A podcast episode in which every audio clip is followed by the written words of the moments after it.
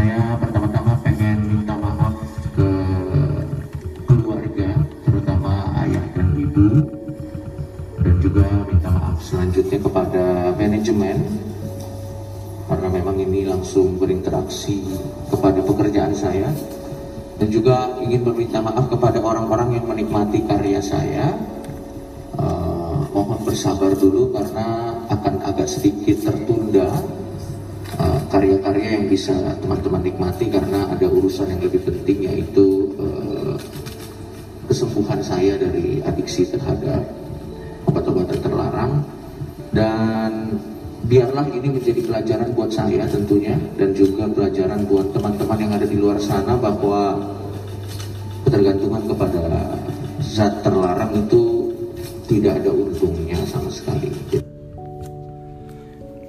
Barusan kita dengar sebuah permintaan maaf dari komedian Coki Pardede yang barusan tertangkap kemarin dikarenakan uh, penyalahgunaan obat-obatan terlarang atau narkoba.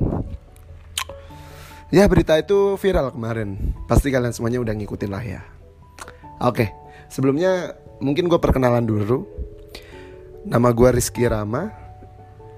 Uh, kali ini di podcast ini gue ingin ngebahas tentang uh, musuh-musuh dari para kaum milenial kita sebutnya ya.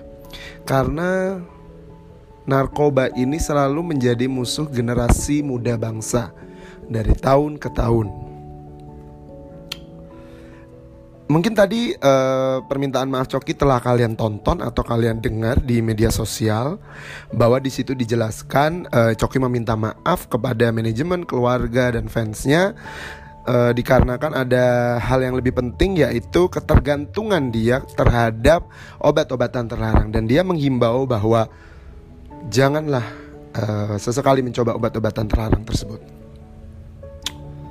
Mungkin ini ada hubungannya dengan anggapan dari para seniman yang mereka bilang bahwa bukan semua nggak semua seniman ya. Maksudnya uh, ada beberapa seniman yang mengam, ataupun artis ataupun public figure atau bahkan orang biasa yang berpikiran bahwa saat uh, mereka mengkonsumsi narkoba, maka masalah mereka akan lebih ringan dan daya kreativitas mereka lebih tinggi, etos kerja mereka lebih tinggi, bahkan ide-ide segar tuh lebih muncul dalam berkarya atau bekerja.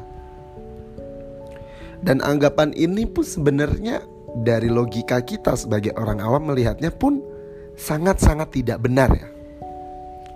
Karena gini dulu, di mungkin kita banyak uh, tahu informasi ataupun berita tentang banyak public figure, artis ataupun seniman uh, dari dalam negeri maupun dari luar negeri yang terkena dan tersandung kasus narkoba dan akhirnya ada yang meninggal dan ada yang uh, tertangkap polisi atau bahkan masuk ke rehabilitasi. Kita bisa contoh kita bisa lihat sebelumnya sebelum Coki ada uh, Rido Roma, artis Rido Roma yang tertangkap lagi. Kemudian voka, mantan vokalis Dead Squad Daniel Mardani kalau nggak salah namanya. Kemudian sebelum dia uh, sebelum Daniel Mar, eh, setelah Daniel Mardani ada uh, pasangan selebritis dan pengusaha yaitu Nia Ramadhani dan suaminya. Kemudian sebelumnya juga banyak lah artis-artis zaman dulu seperti Roy Martin yang terkena uh, kasus penggunaan narkoba. Dan lebih parahnya uh, di luar negeri banyak sekali contoh-contoh seniman, artis dan yang bertalenta sekali yang sebenarnya tuh sayang banget karena mereka bahkan sampai kehilangan nyawanya dikarenakan adiksi atas obat-obat terlarang kita bisa sebutin pentolan Nirvana, Kurt Cobain. Dia masuk uh, di 27 Family sebutannya yaitu artis-artis yang meninggal di umur 27 karena dia overdosis obat-obatan terlarang. Kemudian drummer legendaris dari Avenged Sevenfold, The Rev atau nama aslinya adalah James On Sullivan Musisi jenius ini juga ditemukan meninggal dunia karena overdosis obat-obatan terlarang juga. Dan banyak lagi ya mungkin musisi musisi-musisi seniman-seniman yang meninggal dikarenakan uh, obat-obatan terlarang. Bahkan ada yang direnggut dari usia dia muda, yaitu Sid Vicious mungkin bagi anak-anak uh, penyuka musik punk rock. Basis, sorry, mantan basis Sex Pistol dulu.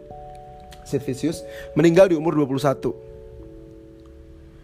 Bayangin 21 di puncak karirnya dia meninggal.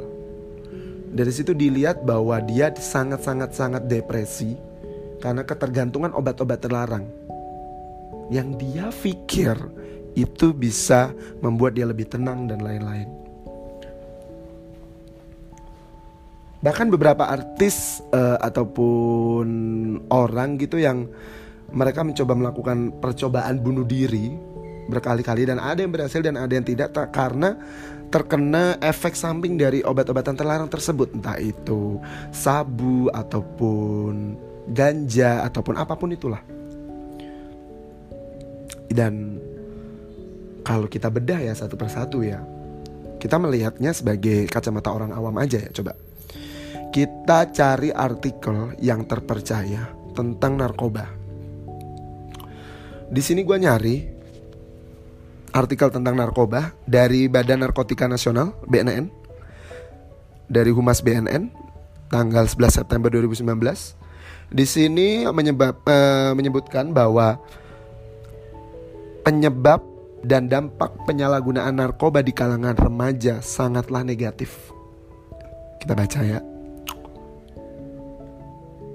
banyak dampak fisik yang terjadi seperti gangguan sistem pada saraf, gangguan pada jantung dan pembuluh darah, pada kulit, paru-paru, dan dapat terinfeksi virus HIV dan AIDS.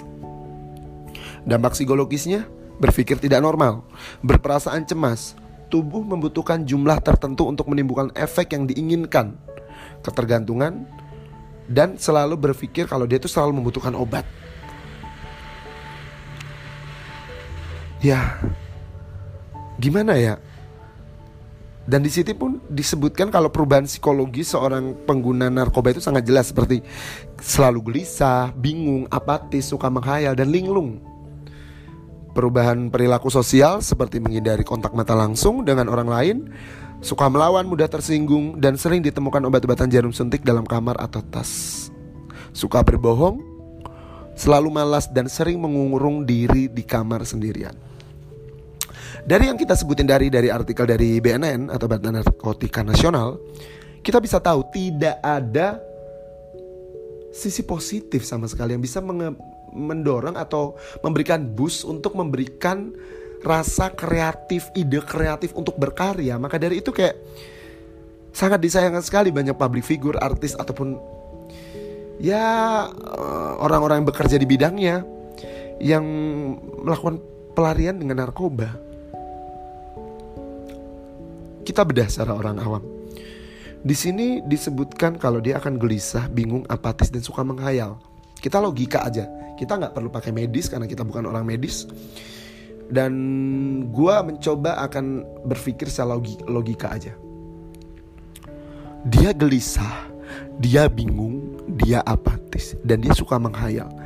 Cari di mana letak yang ini sinkron dengan dia bisa berpikir kreatif yang di mana ide kreatif akan muncul secara segar saat kita berpikir fit, saat kita berpikir out of the box, dan kondisi badan kita sedang tentunya tidak terkontaminasi dengan apa pun. Karena sekarang ini, lu pada gelisah nih, lu pada lagi bingung, dan lu suka menghayal. Apakah lu bisa berpikir jernih untuk menghasilkan karya? Coba lu logika sesimpel itu saja. Gue yakin gak bisa cuy. Ya gak sih? Kemudian di sini banyak banget yang apa ya? Dampak negatifnya salah satunya adalah suka mengurung diri di kamar. Wow. Mendorong dia menjadi ansos istilahnya. Dia lebih sering menyendiri dan dia lebih sering menyendiri dan mungkin dia saat menyendiri itu dia uh, mengkonsumsi obat-obat terlarang tersebut dan dia acuh banget acuh tak acuh banget dengan kondisi sekitarnya. Dan ah, my god ini kayak nggak ada positif positifnya dan dari generasi muda kita sekarang uh, banyaklah isu-isu sosial tentang generasi muda kita atau yang menjadi lawan dan dalam tanda kutip generasi muda kita. Seperti insecurity ataupun kecemasan tentang masa depan mental illness banyak sekali. Dan jangan itu ditambah lagi dengan masalah lama kita dalam tanda kutip tentang narkoba gitu. Kayak seakan-akan tuh kayak anjir susah banget cuy.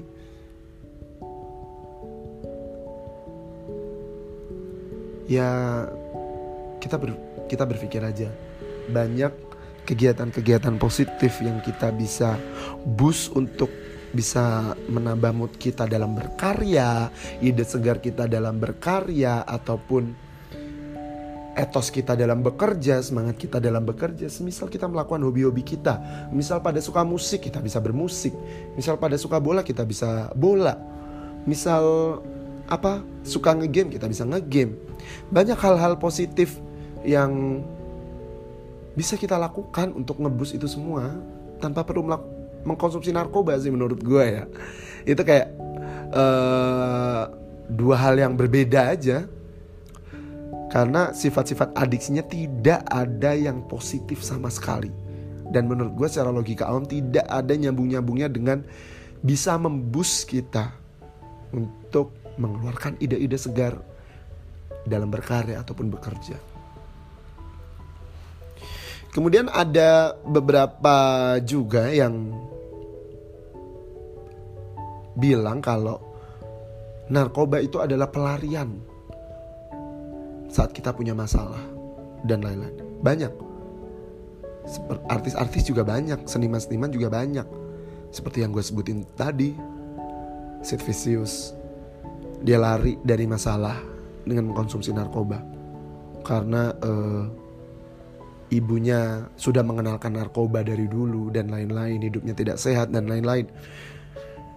Dan lu coba tonton deh interview dia yang terakhir saat dia diduga membunuh kekasihnya sendiri karena efek dari narkoba tersebut. Kalau nggak salah heroin deh narkoba yang dikonsumsinya.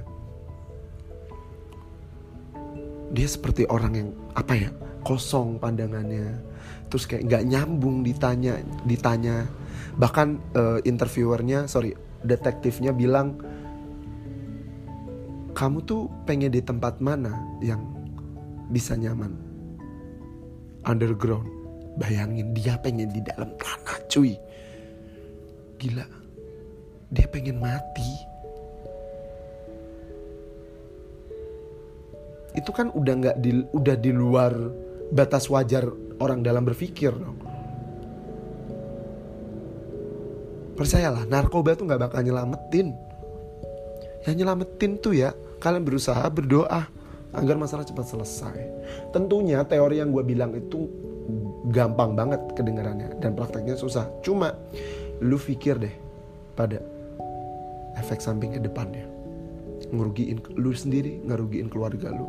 Dan jangan gunakan alasan bahwa narkoba itu bisa membus ide kreatif lu, mood lu, dan ide-ide gila lu dalam berkarya ataupun etos lu dalam bekerja jangan sampai. Karena dengan logika dasar dengan logika simpel kita bisa tahu dua hal itu merupakan hal yang berlawanan. So jangan sesekali coba-coba dengan narkoba. Say no to drugs. Gua Rizky Rama pamit. Thank you yang udah dengerin. Bye bye